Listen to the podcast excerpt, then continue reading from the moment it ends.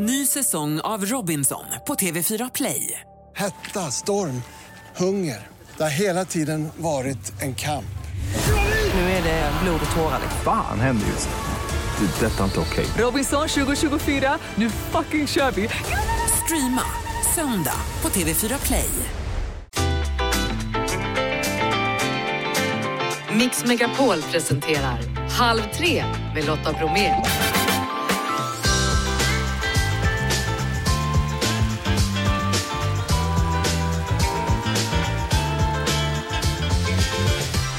Hallå där och varmt välkommen in i Halv tre-studion och till en ny vecka då. I dagens mix, sju Guldbagge-nomineringar till filmen Boy from Heaven hör regissören Tarik Saleh om kvällens gala. Idag så är det elets dag. Du får de bästa tipsen på hur man blir energismart i programmet. Love Island Sverige börjar idag och programledaren Julia är dagens gäst. Dessutom så får vi veta vilken familj från mina hemmatrakter Västergötland som vinner Mix Megapols fjällkalasresa. Allt detta och mer till, nu kör vi! Hörrni, ikväll är det Guldbaggegala och en av kvällens stora stjärnor är regissören och manusförfattaren Tarik Saleh. Hallå där, välkommen till Halv tre! Tjenare Lotta! Hur är läget Tarik? Det är grönt. Hur mår du? Jo, det är bra. Alltså jag tittar här och ser hela sju Guldbaggar är du nominerad för ikväll. Eh, Det handlar då om filmen Boy from Heaven. Känns det pirrigt? Ja, ja, jag är jättenervös faktiskt. Jag funderade på det för att du är ändå hyfsat van vid nomineringar. Du vann ju nu senast då i Cannes och du har vunnit Guldbaggar tidigare. Blir det värre när man har varit med om det förut eller blir det lättare? Eh, bra fråga faktiskt. Ja, eh, i, ikväll är jag jättenervös och det, det har med olika saker att göra. Det, eh, jag, är, jag är inte så nervös över de grejerna jag själv är nominerad för men jag, är, jag, liksom, jag vet inte hur hårt jag kan hålla tummarna för min klippare och min production, eh, min eh, kostymdesigner, både Denise Östholm och Thais Schmidt som är nominerade. Jag- Alltså jag vill så gärna att de ska vinna och jag Eh, ja, men det, är så, det funkar ju så med när man gör film att liksom, det är som en familj. Liksom. Mm. det är lite som när ens barn här. Man blir liksom så här, man blir, man blir, alltså det, man blir nästan eh, fartblind. Liksom, att man vill så gärna att man Mm. tappar det. Liksom. Eh, Ja. Den här filmen då är ju en politisk thriller kan man säga. Den utspelar sig i Egypten. Det är en kamp på sätt och vis då mellan polit och, politik och religion. Varför ville du göra den här filmen? Nej, men jag var... Mm, alltså, jag ville egentligen inte göra den här filmen utan eh, jag började att leka med en tanke. Jag hade läst om i Rosens namn av Umberto Eco och kände bara så här Wow, tänk om man skulle göra något liknande fast inifrån sunni-islam som jag liksom är, som jag kan eller som jag är ifrån. Och så tänkte jag, men det kan man ju inte, man kan inte det. Och sen så började jag liksom leka med den där tanken och sen så skrev jag en historia som jag tänkte så här, det här skulle, jag, kan, jag kanske kan skriva det som en roman. Mm. Och sen ledde det ena till det andra till det tredje och nu står vi här eh, och ska försöka ro hem de här baggarna ikväll, vilket känns... Eh, ja, men så, det, Mm. så att man kan säga att liksom Ja, jag kände väl så här att om inte jag gör den här filmen så kommer ingen att göra den här filmen. Så kände jag. Din förra film utspelades ju också i Egypten och där vann du då för bästa film, The Nile Hilton Incident. Du är inte längre så välkommen i Egypten eller? Nej, alltså jag blev utkastad redan innan jag började spela in Nile Hilton. Och sen hade jag väl liksom förhoppningar om att, eh, att de skulle förlåta mig när filmen kom ut. Men det var liksom inte riktigt så det blev, utan det blev tvärtom. De blev jättearga. Ja. Eh, och sen var det bara... Oj, nu ringer folk här. Men, eh, så då blev det... Nej, det blev bara... Jag fick helt enkelt eh, gilla läget och eh, inse att den här filmen, Boy from Heaven, var vi tvungna att spela in i Istanbul. Och jag visste det redan när jag skrev Mm. den. Liksom. Imorgon då så vet vi om din film också är bland de fem av 15 då som går vidare och får tävla i Oscarsgalan som bästa utländska film. Hur mycket tänker du på det? Alltså jag, det tänker jag ganska mycket på, men jag ska också säga det att det är så svårt det där för att eh, jag har sett några av filmerna som är i den här listan av 15 filmer och det är en otroligt stark uppställning. Jag såg Holy Spider här för två veckor sedan som jag, liksom, jag är ju kompis med Ali Abbas som har gjort den filmen. Mm. Den är helt fantastisk. Det är en fantastisk film. Så nästan alla 15 av de där filmerna är superbra filmer. Så att eh, det är ner till tycke och smak. Jag tycker det är helt otroligt att vi har kommit så här långt. Jag, är, alltså jag tycker det är overkligt faktiskt. Mm. Men det är klart det vore helt fantastiskt. Och det är ju ett sätt också att nå ut i USA för filmen har premiär om två veckor i USA. Eh, och det ska jag säga att de flesta av de här filmerna som är nominerade i år, de har redan haft USA-premiär förra året. Mm. Um, det hjälper ju jättemycket om man har kommit ut helt enkelt. Men jag är, bara det att vi har blivit shortlistade gör ju att vi får biografpremiär i USA, mm. vilket är fantastiskt. Cairo Conspiracy ska den heta i USA då tydligen filmen. Ja, det, det, den hette, har ju hetat det i Frankrike och där har det gått väldigt, väldigt bra. Mm. Så när den amerikanska distributören Samuel Goldwyn fick höra talas om det så var han bara så här, jag tänker också byta titel på filmen, hoppas du inte har något emot det. Jag, så här, jag kan inte argumentera, jag menar. Frankrike är en halv miljon människor som har sett den på bio. Ja, Uh, Tarik, jag ska inte fråga dig vad du har på gång framöver utan bara önska dig all kärlek inför ikväll och sen så tänker jag att du kanske kan ta dig tid att komma hit en lite längre stund nästa gång. Ja, men uh, ha det så bra Lotta. Detsamma och hoppas att det blir så många priser som möjligt ikväll. Hörru. Ja, tack. Halv tre med Lotta Bromé på Mix Megapol. Och en av de hetaste snackisarna nu för tiden det är ju elen och just idag då så är det faktiskt elens dag. Och då känns det extra passande att vi har dig här, Lasse Eje Klint, energiexpert och klimatcoach på Vattenfall som precis i dagarna då släppt boken Energismart. Välkommen! Tackar, tackar! Ja, du har jobbat med energifrågor i över fyra decennier.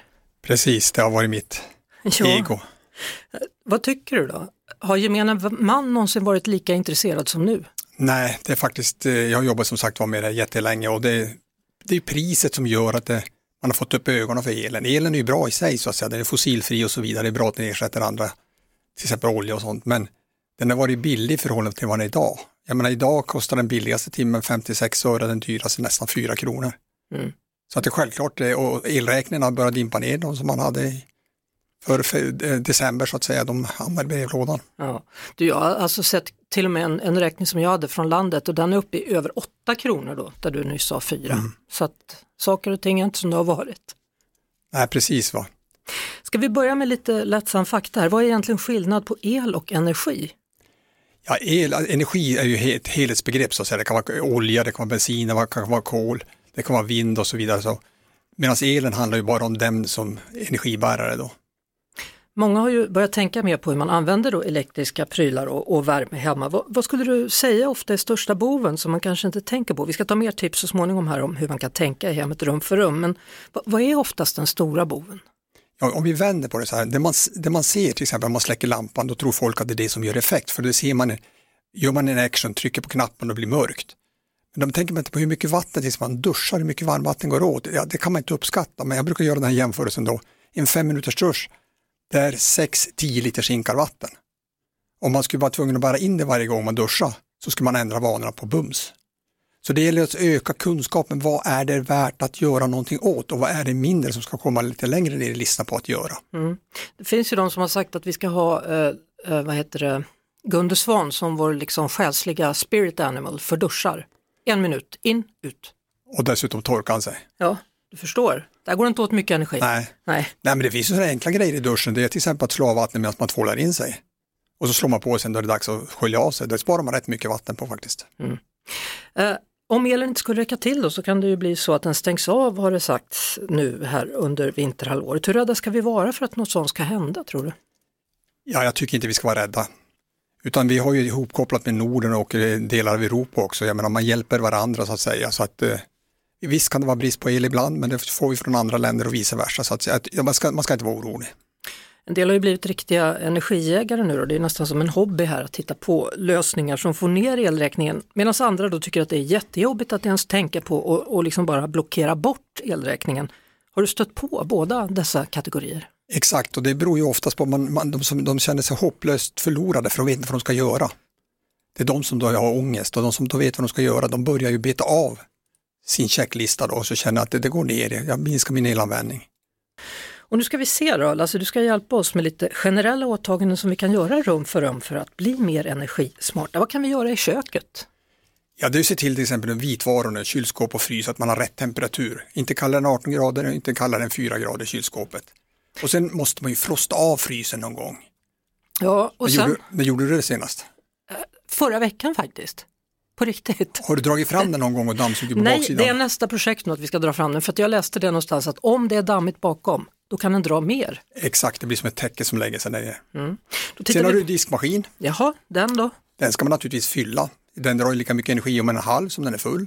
Japp. Och det finns ju ingen anledning att diska bara halva maskinen. Och jag har också läst någonstans att det drar mindre el om man använder diskmaskinen än att stå och diska för hand. Ja, det är bara en tredjedel. Badrummet då, om vi vandrar dit? Ja, det är många som har golvvärme och tänker inte på det, för det syns ju inte, utan det känns bara varmt och skönt om man står på golvet. Åtminstone halvåret ska man stänga av mm, golvvärmen och så kan man ju sätta en matta på golvet som man står på den istället, då känns det lika varmt och skönt ändå. Mm. Jag kommer ihåg 70-talet, då fick man inte bada. Hur ska man göra nu? Ja, man, det, det är ju så att säga som jag försöker göra i boken, jag presenterar alternativ, vad kan man göra? Sen får man göra ett val. Vill jag äta oxfilé eller vill jag äta makaroner och blodpudding? Och det sak som här, vill jag bada badkaret, då vet jag att det kostar minst tre, tre duschar. Ja. Men sen kan man göra sådana eh, husmorstips, jag brukar säga så här, låt vattnet stå och svalna i badkaret, släpp inte ut det på en gång, då får du ju till godo värmen i ditt hus eller din lägenhet. Vilket rum brukar det vara som drar mest?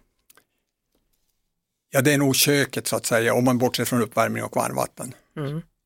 Eh, om vi går vidare då, vardagsrummet, vad kan vi tänka på där? Ja, för det första ska man inte vara rädd för att ha, slå av och på tvn. Den mår inte dåligt av det så att säga. Ha på den då man behöver, titta på den och de, stänger av den i övrigt då så att säga. Men hur mycket drar en tv?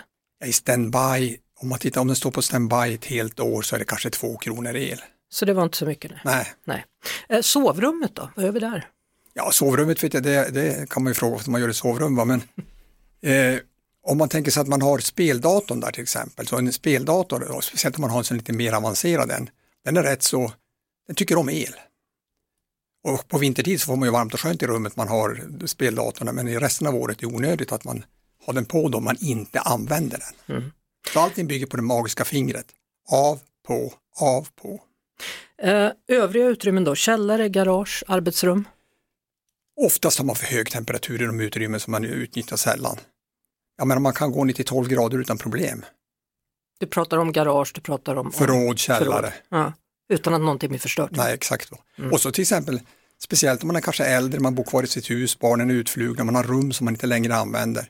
Stäng ner, sätt ner temperaturen i de rummen och stäng dörrarna till dem så sparar man ju energi utan att påverka ens liv.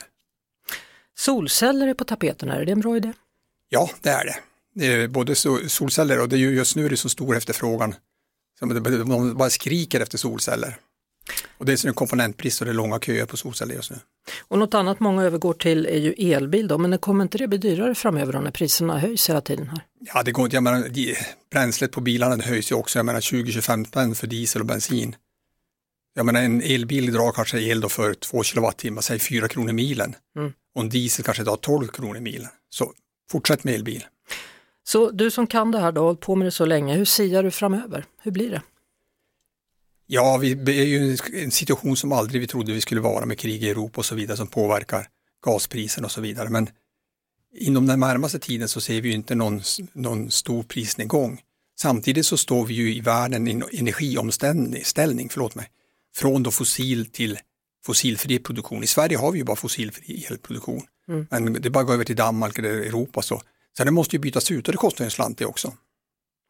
Tack så mycket för att du kom hit och hjälpte oss med dessa elfrågor då, Lasse Eje Klint, så här på elens dag. Energismart heter alltså boken. Och man kan säga så här också, jag har tagit med lite kanelbullar. Du har det? kan, el, bulle. Så där ja. Det är mycket datingprogram i ropet nu, Hotell Romantik, Paradise, singlar som ska söka kärlek på en flotte och så datingprogram för ensamstående föräldrar. Ja, det är i alla fall på gång då. Men något som är speciellt med Love Island är att det spelas in samtidigt som det sänds och publiken kan vara med och bestämma vad som händer inne i villan. Det går även att söka in till programmet under tiden som det sänds då. Eh, välkommen hit Julia Fransén, ny programledare. Ja men tack så mycket. Hur känns det här? Väldigt roligt. Ja, realityvärlden är ju inte så ny för dig eftersom du har varit med i både Robinson och Bachelorette. Nej men det känns kul att få komma över på andra sidan och, och, och se hur allting funkar ta det klivet. Det känns kul och liksom, jag ska inte styra dem, men att få vara med och liksom se alla deras kärleksresor känns väldigt, väldigt roligt. Finns det någonting som du kan använda av dina erfarenheter för att göra dem tryggare eller för att få händelserna att hända? Eller? Nu ska ju inte jag styra dem, men jag, jag är faktiskt livscoach också. I livscoaching så handlar det om att man ska hitta svaren inom sig själva och eh, att ja, ställa kraftfulla frågor och det får jag göra. Mm. Så det känns ju som att jag kommer att använda av. Men sen som med reality, alltså jag vet ju precis vad det är de går igenom med att dejta på tv. Jag dejtade ju över 20 killar samtidigt. De kanske inte kör allihopa, men det känns ändå som att jag vet vad de går igenom och att jag kan eh, förstå dem. En annan sak som kanske är nytt för en del av dem som är med och deltar och förmodligen för dig också, i alla fall första gången du gjorde det, är ju pressen, att det kan komma massa skriverier och att det spekuleras hit och dit. Hur har du tacklat det? Hur har du tyckt att det har varit? Ja, jag är en väldigt stark person och har aldrig riktigt brytt mig om vad folk tycker på riktigt. Liksom att nej, men jag kör mitt race och mamma och pappa de har uppfostrat mig att jag kan göra vad jag vill och att jag, ja, att köra på. Men den pressen som kan komma och det engagemanget, alltså det tror jag inte att en vanlig människa är gjord för. Under Bachelor så var det otroligt många åsikter. Nej, varför valde du honom? Att man gjorde fel och sådär. Mm. Och det tror jag inte att man är gjord för. Men jag, jag har bearbetat det nu, men det sätter sig verkligen. På, på vilket sätt? Hur har du känt? Det, ja, jag vet inte hur man ska förklara, men det är väldigt, väldigt eh, en konstig känsla att liksom hundratusentals människor, känns det som i alla fall, tycker att man gör fel. Och att hantera det och att inte bry sig om det. För till slut så kanske man nästan tror att de har rätt.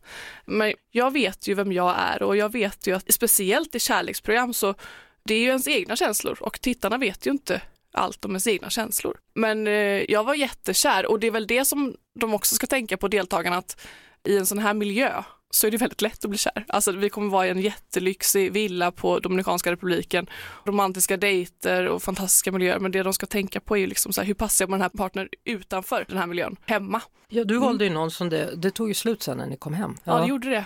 Och det var väl för att i den här hemmamiljön så liksom passar inte vi ihop. Men så blir det Bingo istället.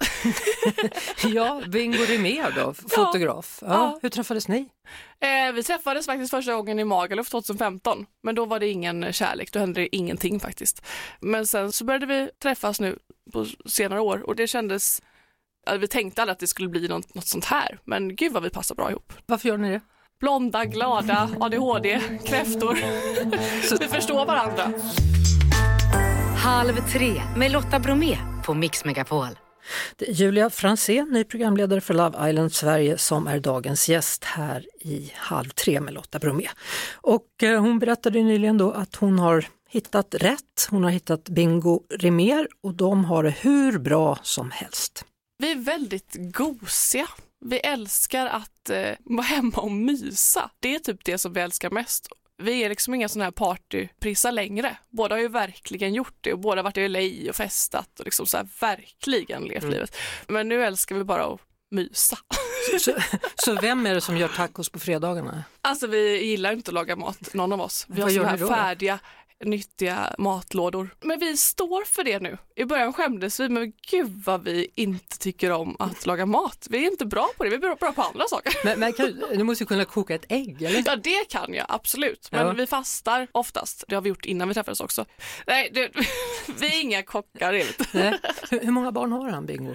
Han har tre. Och vad känner du då, vill du ha barn också? Ja, men det vill jag verkligen. De är väl dina barn nu också kan man väl säga, i alla fall du är en extra mamma. Ja, men jag, jag gjorde precis ett fertilitetstest för skojs skull. Jag ville så veta om jag hade bråttom. Jag är ändå 32, Bingo är 47. Han gjorde mm. också testet. Han hade supersperma som han är väldigt stolt över. och jag hade faktiskt väldigt lite ägg, reservägg. Så det var ju lite chockerande. Så nu får jag frysa dem eller skaffa barn nu. Typ. Jaha, sa de så alltså? Ja, alltså det är på någon skala mellan 0 och 6 och då Jaha. hade jag 0,6. Oj. Eh, och det, är man under 1 så borde man börja frysa äggen och sånt där, så det måste jag göra nu. Ja. Hur kändes det? Nej, det var ju... eh, Eller hur kommer det sig att du bestämde dig för att kolla från början, eller ni? Nej, för att jag har ju hört, jag är ändå 32 så många av mina vänner har barn eh, i Lerum och Göteborg, men eh, det är mm, många som har haft problem och då tänkte jag att alltså, det har liksom aldrig varit någonting som jag tar för givet, även fast någon i min familj eller släkt aldrig haft problem så är det ju Ja, jag, jag tog inte det för, för givet och därför kollade jag upp det och så tänkte jag att bingo är 47. Så, alltså jag ville veta ifall jag, för det passar egentligen i mitt liv nu. Men ja, man är ju aldrig redo. Vad är det som är så spännande tror du att, eh, med att följa andras relationer i skvallertidningar eller i realityprogram?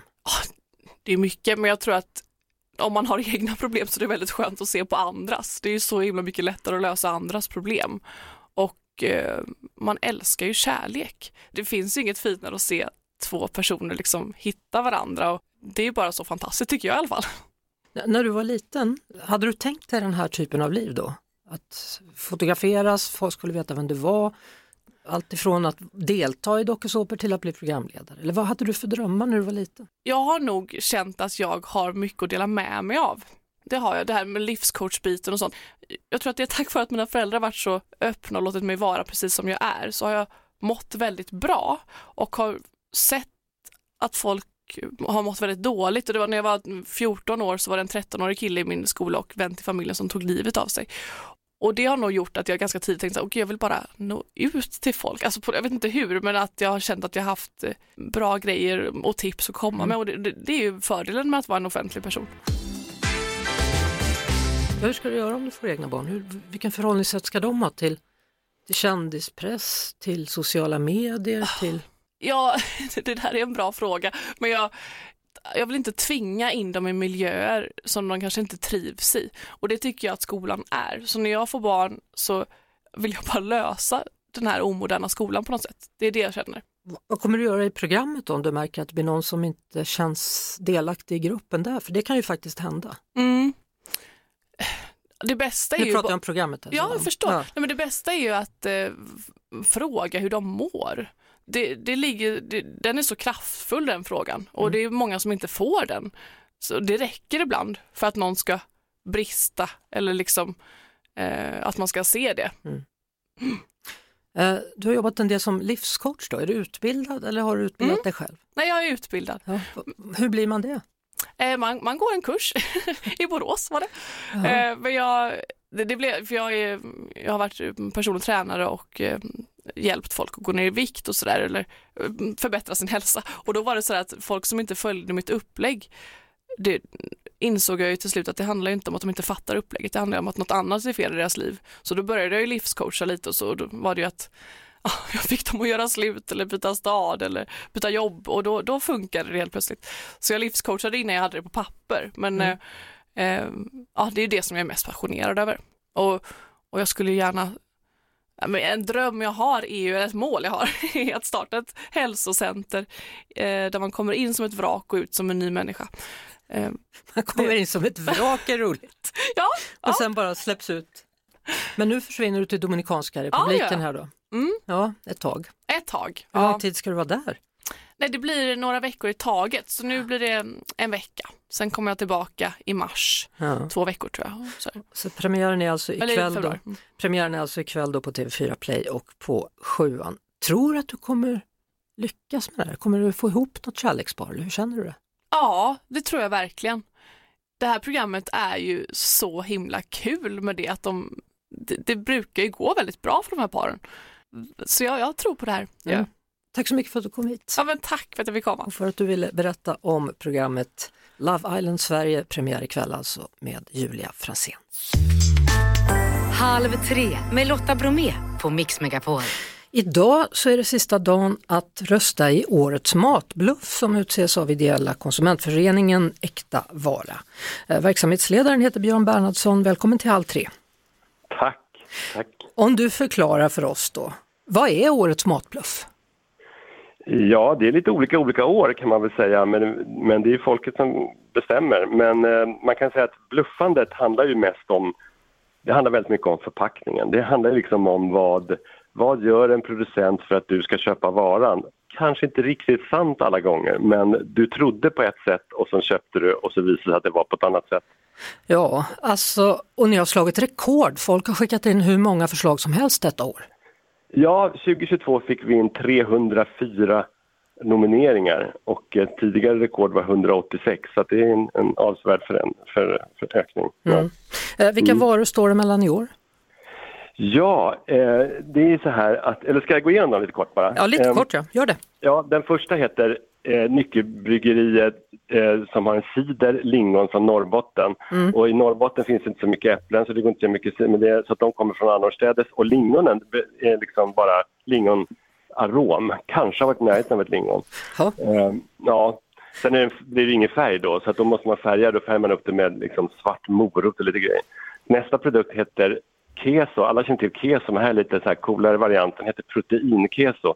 Så den är liksom extra protein, men det är väldigt lite, så det tyckte folk var bluffigt. Det är bara 14 15 procent istället för 14. Mhm. Och sen har vi GB, har en Big Pack som de har varit känd för under lång tid. Och eh, utan att göra en stor grej av det så har man tagit bort huvudingrediensen, nämligen mjölk. Så det finns ingen spår av mjölk kvar i den. Ja, spår möjligtvis, men det finns inga ingredienser av mjölk. Ja, kära någon. Alltså, Ja, så då har man ärtprotein och vatten istället. Ja, och det är bra om man inte tål mjölk då, så det kunde ju varit en bra grej för de som, inte, som är Ja. laktosintoleranta, men det har man inte tänkt riktigt så långt. Nej. Nej, precis. Man har inte gjort liksom så här, nu lanserar vi veganskatten. Ja, det kunde man gjort. Ja. precis. Alltså, hur gör man för att rösta nu då? För det är inte för sent. Bara för att vara schyssta så tar vi de två sista också, va? eller hur? Ja, det kan du göra. Gör det. Det är, det är två till, ja. Och den, är, den heter Oat for Whipping och Oat betyder havre och det står att det är nordisk havre. Men det är bara 1% havre. Det är faktiskt mer socker än havre så det borde kanske heta liksom Made from sugar eller någonting på den. Ja, det är en sån här som man vispar, någon slags gräddersättning. Och den sista produkten heter Bravos original röd apelsin och hela förpackningen är bara täckt med apelsiner, blod och vanliga apelsiner men största ingrediensen är, guess what, äpple. Äpple igen. Ja, Det är och med överallt. liksom- Ja. Ja, precis. Och ska man ha äpple så mycket i, då ser det inte ut som blodapelsin, så då har man färgat det med aronia. Mm. Ja, ja det, så ska det se ut. Så, Ja. hur gör man nu för att rösta då? Om man röstar, när man röstar så går man in på äkta vara. Man skriver aktavara.org. Då kommer man till organisationens sajt Mm. och to den toppas ju förstås av nyheten. Här kan du rösta. Ja, det är bra. Ja, så det är bara att rösta på. Ja. Ja, men det är viktigt att, att folk får liksom säga ifrån, sätta ner foten, för det är det det handlar om. Årets matbluff handlar om att konsumenterna sätter ner foten där regelverket inte räcker och där, där de blir liksom lurade. Mm. För att alla de här, jag tror att i princip alla är helt lagliga. När Bravo gör ett juridiskt fel, men de flesta är nog helt lagliga. Men konsumenterna som nominerar och röstar tycker att man blir lurad. Björn Bernhardsson, du kommer till oss och presenterar resultatet på onsdag. Jag ser fram emot det. Då pratar Ja, vi mer. Ja, Ja, vi hej ses. så länge. Det gör vi. Hej, hej. hej, hej. Halv tre med Lotta Bromé på Mix Megapol. Hörrni, Ardalan Shekarabi, rättspolitisk talesperson för Socialdemokraterna, meddelade för en stund sedan att han KU-anmäler statsminister Ulf Kristersson. Och detta efter att Kristersson då i morse har kommenterat hela det här ålfisket. Ja, ni minns. Han berättade också att det var dumt gjort av honom. Han trodde att en fråga var nedlagd för han hade inte hört någonting sedan dess. Han berättade precis som det var för mig. Mm, PM Nilsson alltså. Eh, Ardalan Shekarabi finns med oss nu. Hallå där, välkommen till Halv tre. Hej, hej. Ja, varför anmäler du statsminister Ulf Kristersson till KU, konstitutionsutskottet? För att utskottet behöver titta på hur det här anställningsärendet gick till. För det är ingen liten sak. Det här är statsministerns statssekreterare. Han har ljugit då aktivt för två myndigheter. Först eh, Vattenmyndigheten och sen polisen nu i december. Och då är hans förklaring till varför han ljög en andra gång, den här gången för polisen, i en brottsutredning alltså. Förklaringen är att nej, men då blev jag överraskad, jag trodde att det inte var aktuellt längre och sådär.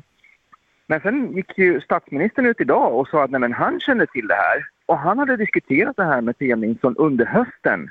Nu alltså när han blev anställd. Och det här väcker ju väldigt många frågor. Vad visste statsministern om?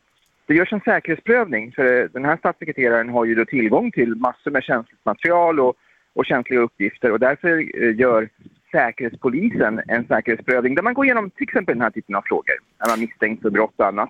Och då är frågan, vad berättade statssekreteraren för Säkerhetspolisen? Visste statsministern om det här när beslutet fattades?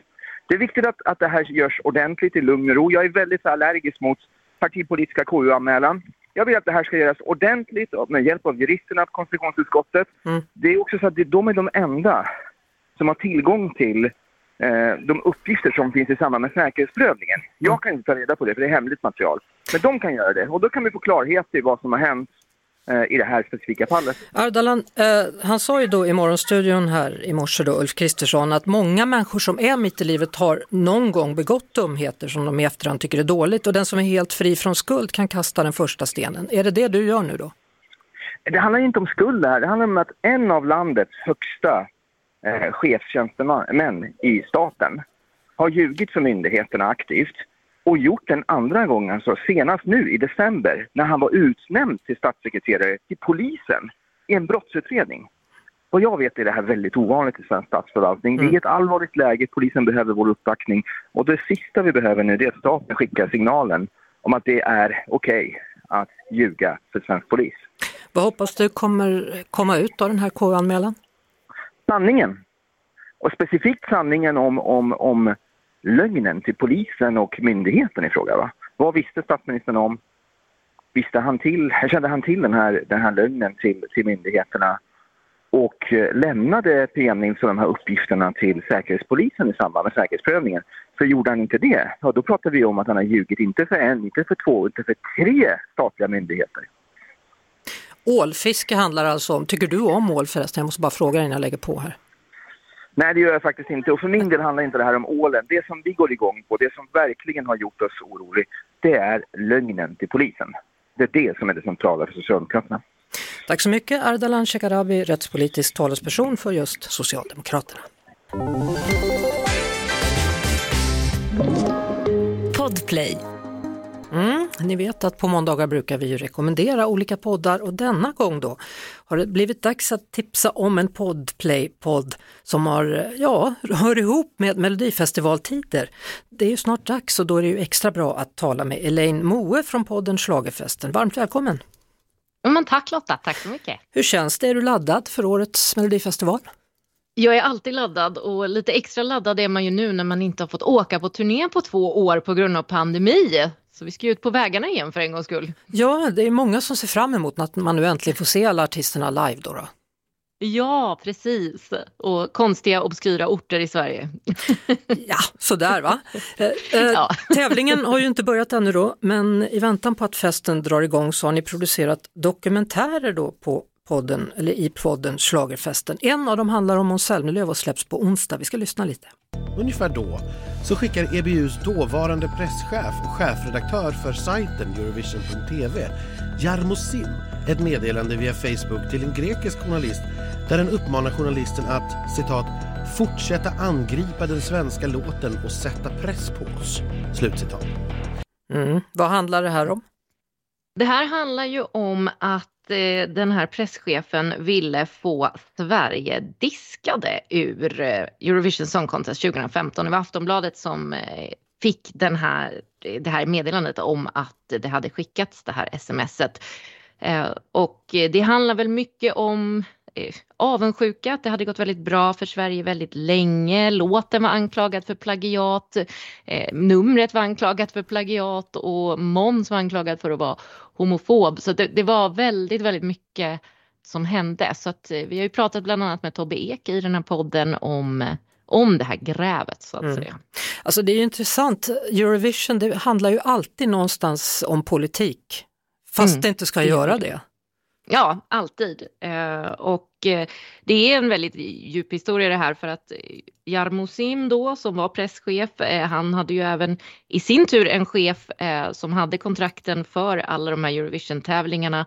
Och skulle han ha utrett det här och insett att Jarmo var skyldig kanske han skulle bli av med en kontrakt för över 2 miljoner euro. Så det är en konspirationshistoria det här. Mm. Och den släpps som sagt på onsdag då, men redan nu så finns det ett dokumentäravsnitt ute då som handlar om Anna Boks diskvalificering 2016. Jajamän, där vi bland annat pratat med Christer Björkman eh, om eh, arbetet med det här. En väldigt rolig historia om Bolibompa-draken dyker upp där, lite märkligt nog. Mm. Eh, du och din kollega då, Anders Ringqvist, hur kommer ni bevaka Melodifestivalen i podden Schlagerfesten när det väl kör igång? Eh, Vi kommer göra avsnitt eh, varje onsdag som är införavsnitt där vi blir gästade av en av kommande veckas deltagare och sen finns vi ju på plats under turnén också. På våra sociala medier kan man följa och vi släpper avsnitt från location fredag och söndag. Mm. Tack så mycket Elaine Moe. Tips alltså om podden denna vecka blir Schlagerfesten. Tack för att du var med. Tack själv. Halv tre med Lotta Bromé på Mix Megapol. Hörrni, Mix Megapols fjällkalas blir ju större än någonsin för nu tar vi hela Sverige till fjällen. Minst en familj från varje landskap följer med. Det blir härlig skidåkning, fantastisk musik på kvällen på scen, Arvingarna, Marcus och Martinus och Molly Hammar. Och Mix Megapol står för boende i egen fjällstuga, skidor, skidpass, god mat och just den här gången då, det är sista chansen faktiskt. Vår partner Leksands knäckebröd skickar med en ryggsäck full med knäckebröd kan man ju använda och packa i också. Så har ni också möjlighet att träffa våra programledare då. Vi kommer sända direkt från Fjällstudion i Lindvallen. Ehm, lite extra kul för mig idag då, för det är ju liksom mitt landskap där jag kommer ifrån. Det är Västergötland det handlar om. Västergötland med sina tranor och sin ljung. Mix Megapols fjällkalas. Och då får man ju fundera, då måste man ju kolla liksom. Man vet ju att det är några här som har gått till final. Vi ska prata med en av dem till att börja med då. Martin Hult i Götene, hallå där! Hallå där! Hur är läget? Jo, men här i Göte det är gött. Hur har ni det? Är det snö eller? Ja, det är lite vitt där, lite, men inte mycket. Det är nog mer i Skövde för det var igår. Jaha, där, ja, där är det ju Mina massor. Hemtrakter. Ja, mina hemtrakter. Ja, det är alltid mycket snö där, speciellt uppe på berget då vet du. Ja, men de laddar ju för SM-veckan nu, vet du, så de har kört på bra. Så de klarar det nu Ja. den här gången. Jag, jag minns när man var liten, då försökte de ha SM i skidor varje år men det fanns aldrig snö. Nej, men nu, nu är det nog dags. Nu fixar de nog det. Ja, det är bra. Du, vad sysslar du med när du inte jobbar? Du cyklar tydligen mycket har jag förstått. Ja, jag går på ett projekt som heter Team Och det innebär ju att man eh, samlar in pengar till Barncancerfonden och man tränar väldigt mycket. Och så avslutar man hela projektet med att man cyklar till Paris. Och jäklar du, det är en bit. Eh, det är en bit ja, men det är inget mot vad barnen upplever som har cancer. Så att eh, insamlingen är prio ett. Det har du helt rätt. Hur kommer det sig att, det. att du och din hustru, kommer det sig att ni engagerar er så mycket i det här? Jo, det är som så att vår dotter fyller 26 i år och när hon fyllde 16 så drabbas hon av eh, Hodgkins lymfom, cancer i lymfkörteln. Och eh, det är tio år sedan och då tänkte vi att vi har följt Rinkeby i många år nu så att nu är det våran dags att vara med och ge tillbaka lite. Samla in Ja. pengar och ge tillbaka till andra övandet. Hur mår hon idag? Så. Hon mår bra. Hon mår bra. Hej hej Alva! Så är hon en av de som får följa med ifall det blir så att ni åker Hon- upp eller? Hon ska åka ja, till eh, Sälen menar du? Mm. Ja, ja där får hon kommer få första chansen klart där. Hon och frun och så. Sen har vi lite barn och flickvänner och pojkvänner så att det är klart. Det finns ett gäng. Det finns ett gäng. N- när du Ja. funderar liksom på de här dagarna, hur, vad ser du framför dig? Vad gör ni? Du menar för Sälen? Ja, om ni skulle komma med, vad gör ni för något? Ja, vad gör vi? vi skidor åker jag ju naturligtvis utförs. Jag gillar gärna lite kurv och jag kan gärna ta en liten uh, O'boy, kanske hälla i lite rom i den och så är det väl lite party på kvällarna. Och då blir det en, ja, då blir det en Lumumba. Där blir det en Lumumba, en, a- en a sexa. Ja, det, åh jäklar du, den var stark. Ja. Ja, men vi kan dela då ja. Ja, det kan man göra Martin, för att eh, du och din familj ska nämligen med oss till fjällen. Stort grattis! Fy fan vad gött! Så blir det. Tack, jag är så jävla glad jag är. Ja, vad bra! Ja. Då Ja, hälsar du allesammans och eh, bra att ni kämpar för Barncancerfonden och stort Ja. grattis! Vi ser i fjäll, ses i fjällen då. Ja, gör vi. Fan vad gött vi sa. Ja, det ska vi. Hej då! Härligt! Vi hörs såklart på Mix Megapol varje eftermiddag vid halv tre. Ett poddtips från Podplay. I podden Något Kaiko garanterar östgötarna Brutti och jag, Davva, dig en stor dos skratt. Där följer jag pladask för köttätandet igen. Man är lite som en jävla vampyr. Man har fått lite blodsmak och då måste man ha mer. Udda spaningar, fängslande anekdoter och en och annan arg rant. Jag måste ha mitt kaffe på morgonen för annars är jag ingen trevlig människa. Då är du ingen trevlig människa, punkt. Något Kaiko, hör du på Podplay. Därför är gardinerna.